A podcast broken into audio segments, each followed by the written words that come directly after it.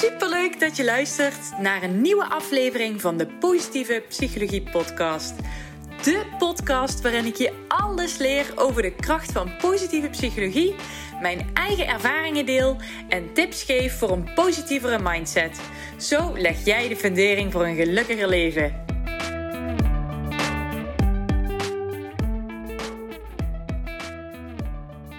Hoi, lieve, lieve luisteraars. De laatste podcast van het jaar. oh my god. Oh, ik wil echt eventjes stilstaan bij wat ik dit jaar allemaal heb bereikt. En uh, mijn podcast die bijna 10.000 keer beluisterd is in een paar maanden tijd. Holy fucking shit. Echt een dikke, dikke, dikke dankjewel voor jou. Echt waar. Want ah, ja, dat er zoveel luisteraars zijn, dat is wel een dikke motivatie en een drijfveer om het uh, vol te houden natuurlijk. Op zakelijk vlak heb ik het een en ander bereikt. Ik ben natuurlijk gestart naast het aan huis begeleiden met online coaching. Op persoonlijk vlak heb ik gedeeld met die fucking eetstoornis en met mijn koopverslaving. Ik ben eindelijk uit de schulden. 20.000 euro heb ik afgelost en... Uh, ja, ondanks de hele coronatoestand kan 2021 bijna niet beter voor mij beginnen. Um, dus dat wil ik even van het hart. Dus jou echt nogmaals heel erg, wil ik je heel erg bedanken. Ik kom bijna niet uit mijn woorden. Zo dankbaar ben ik. Ik wil je heel erg bedanken voor het luisteren, uh, het delen van mijn, uh, mijn podcast op uh, Instagram Stories. Ik krijg ooit soms berichtjes van, oh, ik vind je podcast zo tof. Ik heb hem aan iedereen doorgestuurd. Oh, echt dankjewel. Zo leuk. Jullie positiviteit motiveren mij enorm om hiermee door te gaan. En ook in 20 21 weer super toffe content voor jou te gaan maken. Weer meer taboes doorbreken, meer dingen bespreekbaar te maken en van meer dingen eigenlijk op een positieve manier naar kijken en er een andere wending aan geven. Ik gun iedereen meer positiviteit, meer geluk in zijn leven. Gewoon dat je lekkerder in je vel zit. Zoals mijn, eigenlijk mijn intro van mijn podcast al zegt. Hè? Dus gewoon overal een gelukkiger leven. En dat is waar ik het voor doe. En ook een van mijn belangrijke doelen is dat niemand zich ooit zo alleen voelt als ik me ooit heb gevoeld. En dat is eigenlijk wel een mooi bruggetje. Ik wil het in deze aflevering. Oké, okay, eventjes rustig aan, Helene, want ik sla over in mijn enthousiasme. Oké. uh, ik wil het deze aflevering graag hebben over eenzaamheid. En dat is een probleem voor heel veel ouderen op dit moment, zeker met die coronacrisis. Het was al een probleem en dit heeft het echt niet heel veel beter gemaakt. Maar ook heel veel jongeren die op dit moment zich eenzaam voelen. En ook daardoor doet, daarbij doet de coronacrisis natuurlijk ook niet heel veel goeds. En dit is een onderwerp wat mij persoonlijk heel erg raakt, omdat ik me echt heel erg lang zo verschrikkelijk alleen heb gevoeld.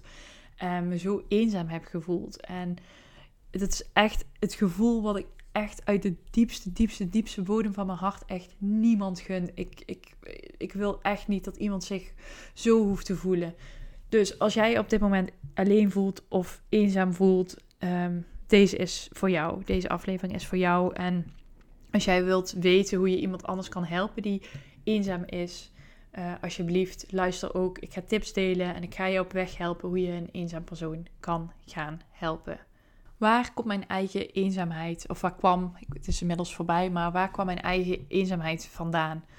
Allereerst, zoals ik in de vorige podcastaflevering vertelde, ben ik dus heel erg lang gepest geweest. Tot mijn zeventiende, toen pas is dat gestopt.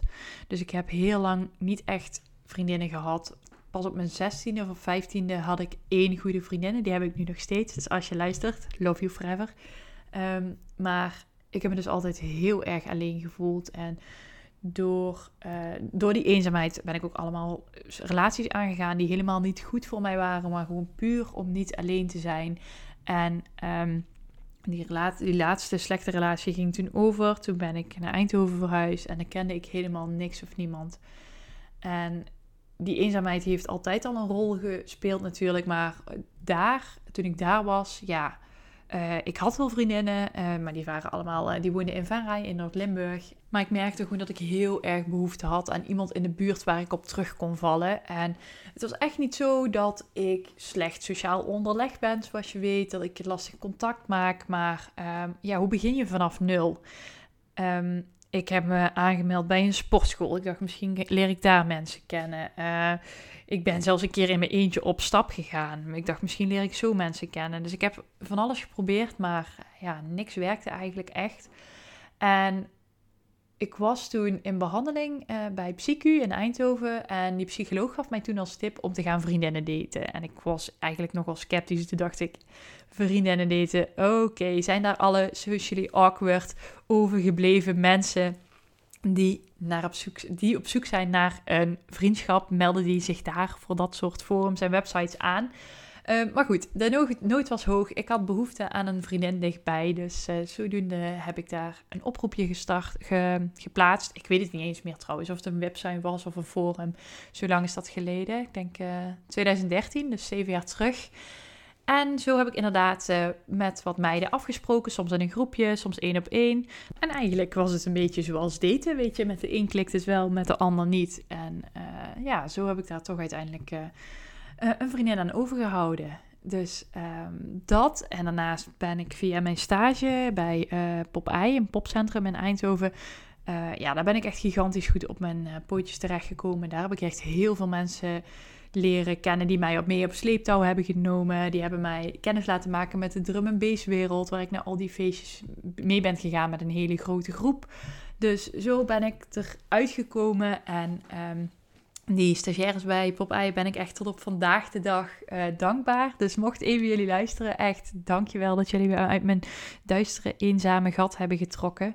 Um, maar dit proces heeft zeker wel een, een jaar geduurd. En um, daarnaast had ik het geluk dat ik in een studentenhuis uh, terecht was gekomen met hele betrokken mensen die daar woonden.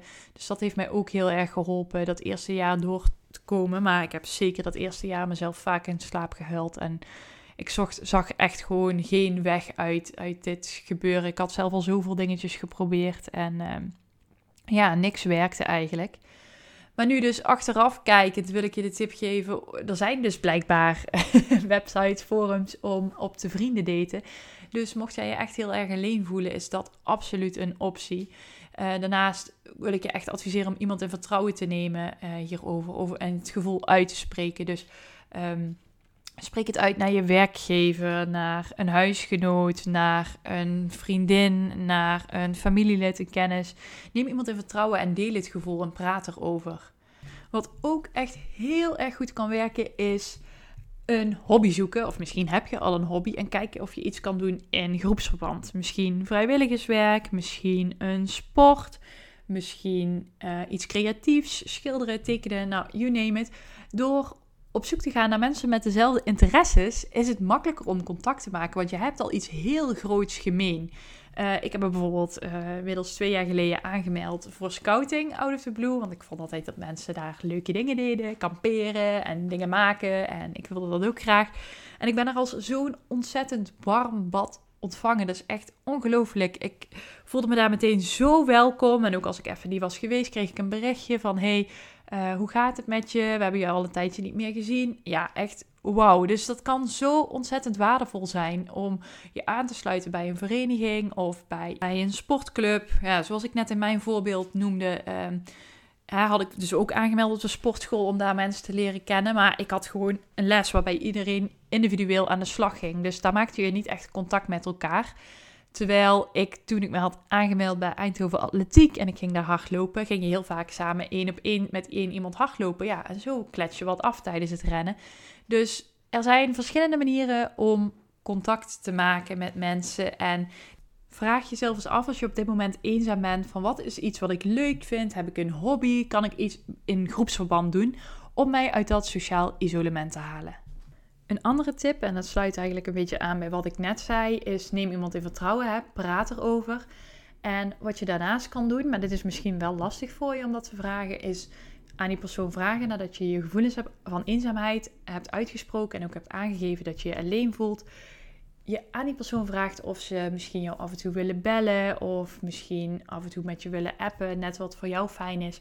Dus spreek daarbij ook je behoefte aan. Wat zou die persoon kunnen doen om jou te helpen je minder alleen en eenzaam te voelen. Dus geef concreet aan wat je nodig hebt en waar je behoefte aan hebt. Mocht jij nu luisteren en ken je iemand die zich heel erg eenzaam voelt, uh, trek eens een keer aan zijn jasje, aan zijn of haar jasje of wat voor kledingstuk die je ook draagt. En vraag, uh, of deel allereerst je bezorgdheid van ik heb het gevoel dat jij je heel eenzaam voelt, klopt dat? En zou ik iets voor je kunnen doen om dat minder te maken? Zou ik je ergens bij kunnen helpen? Op die manier hou jij de deur open al voor die ander en hoeft hij er alleen maar doorheen te stappen. Dus maak het een ander dan ook wat makkelijker. Maar wees met dit soort vragen wel voorzichtig. Dus zeg altijd: Ik heb het idee dat je je eenzaam voelt. Klopt dat? Dus let goed op je woorden. Uh, in plaats van er gewoon in te rammen. Jij bent alleen of niet? Ja, dat gaat natuurlijk niet helpen om iemand zich op zijn gemak te stellen. Dus door het op jezelf te betrekken, te zeggen: Ik heb het gevoel of ik heb het idee dat. En je vraag af te sluiten met: Klopt dat? Geef je die persoon de ruimte en de vrijheid daarop te reageren. Als jij je op dit moment eenzaam voelt, dan uh, wil ik je op het hart drukken of je laten beseffen dat eenzaamheid een gevoel is en geen feit. Je bent niet eenzaam, je voelt je eenzaam. Dus hoe kan je dat nou veranderen? Je kan jezelf de vraag stellen: welke kleine positieve stap kan ik vandaag zetten om mijn gevoel van eenzaamheid te verminderen? Dus ga jezelf ten raden wat je kan doen om weer grip te krijgen op je eigen gevoel, op je eigen situatie en daar een positieve twist aan te geven. Voel je je echt al heel erg lang heel eenzaam, dan kan het ook zomaar zijn dat je een depressie hebt. Dus mocht je het gevoel hebben dat je inderdaad depressief bent geworden, trek dan bij de huisarts aan de bel en kijk of je daarvoor behandeld kan worden. Dus vraag jezelf af: waarom voel ik me eenzaam? Uh, vind ik het lastig om contact te leggen? Of leef ik misschien uit een negatieve overtuiging? Zodra je de kern van het probleem weet, kun je er ook mee aan de slag. En mijn ervaring is inmiddels dat je echt op ieder moment van de dag gewoon een nieuwe vriend kan maken.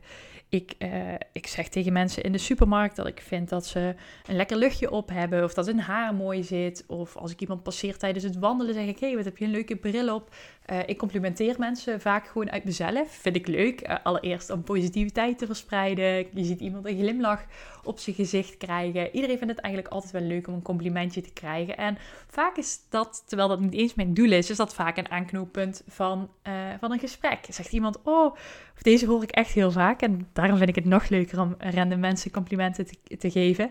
Die zeggen echt, oh, dankjewel. Oh, ik had echt een rotdag, maar uh, hierdoor voel ik me echt een stuk beter. Of uh, thanks, you made my day. Dus superleuk. Dus door wat positiviteit te verspreiden. En dit is niet iets wat ik forceer. Ik heb dat gewoon uit mezelf. Dat flap ik er ook uit mezelf, flap ik dat eruit. Maar op die manier leg ik, maak ik makkelijk contact. En uh, ja, het, helpt mij heel erg dat ik gewoon hart, mijn hart op de tong heb. Ik uh, heb laatst dus uh, met een Renaultje Twingo verkocht. Ik had nog zijn oude, zijn oude besje. en eh, ik had een gesprek met een meisje, was van mijn leeftijd, via Marktplaats. Nou, dat klikte zo belachelijk goed. En hebben ze gewoon zitten lachen samen. Ze kwam de auto ophalen om een, een testrondje te rijden. En in het echt klikt het ook super leuk. En op een gegeven moment dacht ik, nou, krijg het. Ik vraag het gewoon. Ik zeg, ik vind jou zo ontzettend leuk mens. Ik zeg, we hadden zo vriendinnen kunnen zijn. Vind je het leuk om misschien een keer samen een wijntje te gaan drinken? Nou, superleuk vond ze dat. Zo gezegd, zo gedaan. Dus uh, trek af en toe gewoon de stoute schoenen aan. Als je iemand tegenkomt waarbij je, die je leuk vindt, al is het in de supermarkt, al is het, nou ja, whatever. Je kan op honderd verschillende plekken mensen tegenkomen. Maar als jij een fijn gevoel hebt bij iemand, dan kun je altijd vragen van, nou, sta je ervoor open om een keer samen wat te gaan drinken? Lijkt me echt gezellig. Ik vind jou een leuk mens. En uh, nee heb je, ja kun je krijgen. Ik krijg soms ook wel eens te horen van, oh nee, sorry, daar heb ik echt geen behoefte aan. Ik heb genoeg vrienden of whatever voor reden. Maar dan heb ik het in ieder geval wel gevraagd. Want ik ben wel eens vaker met iemand in contact gekomen. En dan heb ik op een gegeven moment dan niet gevraagd van... hey, zullen we nog een keer iets afspreken? Of dat nou uh, op relatieniveau is of gewoon een vriendschappelijk uh, niveau. Maar dan heb ik dat niet gevraagd. En zo'n persoon die vind je natuurlijk nooit meer. Want daar heb je geen contactgegevens van. Dus oh, om jezelf die spijt te besparen. Hè, ik vraag het gewoon altijd. En dan ga ik er maar gewoon vanuit dat die ander nee zegt. Kan het alleen maar meevallen.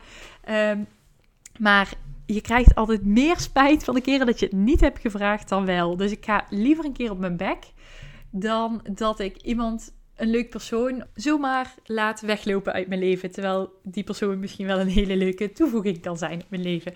Dus die wil ik je zeker uh, als laatste meegeven van eh, reach out, weet je. Je kan op de meest gekke plekken mensen tegenkomen. En Of ben je op een festival? Ja, dat gaat misschien nu wel wat lastiger, maar hè, maak eens een praatje gewoon. En geef iemand een complimentje. Misschien is het wel een hele mooie opening. En wie weet wat eruit kan ontstaan. Hè, mocht je single zijn, dan heb je hier misschien ook wel iets aan. Weet je, open het gesprek en uh, ga op je bek. Mooie slogan trouwens. Open een gesprek, ga op je bek, maar uh, misschien brengt het wel iets moois met zich mee. Ah, nou, dat rijmt niet, maar je, weet, je, je weet nooit wat het je kan brengen als jij die deur openzet.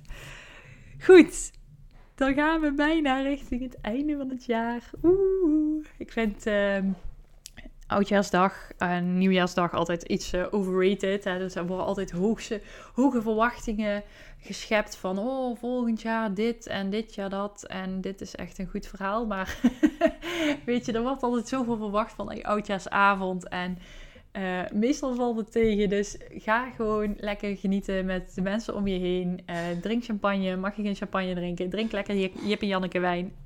pak een oliebol. Uh, ben je glutenvrij, dan een glutenvrije oliebol. Maak er thuis gewoon een feestje van. Maak er het beste van. En begin het nieuwe jaar zo goed als mogelijk. Voor degenen die zich hebben aangemeld voor Breaking the Habit, ik zie jullie over twee dagen. Ik heb er echt vet veel zin in. Ik kan echt niet wachten om jullie uh, alle leuke content, alle videomodules, alle informatie die ik voor jullie heb voorbereid te laten zien, met jullie te delen. Jullie te zien groeien als persoon jullie je doelen te zien behalen. Oh, ik heb er super, super, super veel zin in. Goed, geniet van de laatste dagen van het jaar. En uh, ik spreek jullie volgend jaar. Ik spreek jullie. Wist je dat even fun fact nog tussendoor? Oh, dat wordt echt een wauwel einde dit. Maar goed. Um, ik moet het ik edit de hele podcast niet. Als ik me verspreek, dan verspreek ik me. Maar aan het einde zeg ik altijd. En dat moet ik iedere keer eraf knippen en opnieuw inspreken. Ik zeg aan het einde altijd. Ik zie je de volgende keer. Maar ik zie helemaal niemand. dus bij deze. Ik hoop dat je de volgende keer ook weer luistert. Ik hoop dat je wat aan mijn tips hebt gehad. Heel erg bedankt voor het luisteren dit jaar. Voor je support. Wil je nog een kleine goede daad doen aan het einde van het jaar? Ga even naar iTunes of naar Apple Podcast. Zoek de podcast op, scroll naar beneden en laat een korte review achter. Daarbij help je me heel erg om de podcast, uh, dat de podcast beter gevonden kan worden. En des te meer luisteraars, des te meer mensen ik kan bereiken met mijn positieve boodschap. En uh, ja, nogmaals, bedankt als je een review achterlaat. Ook bedankt voor het luisteren als je geen review achterlaat. En tot volgend jaar. Doei! Heel erg bedankt voor het luisteren. Mocht je deze aflevering interessant hebben gevonden, maak even een screenshot, deel het in je story en tag me op Instagram. Mijn accountnaam is Eline Verbeek underscore online coaching. Zo gun je ook anderen een positieve mindset en ik vind het heel erg leuk om te zien wie er allemaal geluisterd hebben. Tot de volgende keer!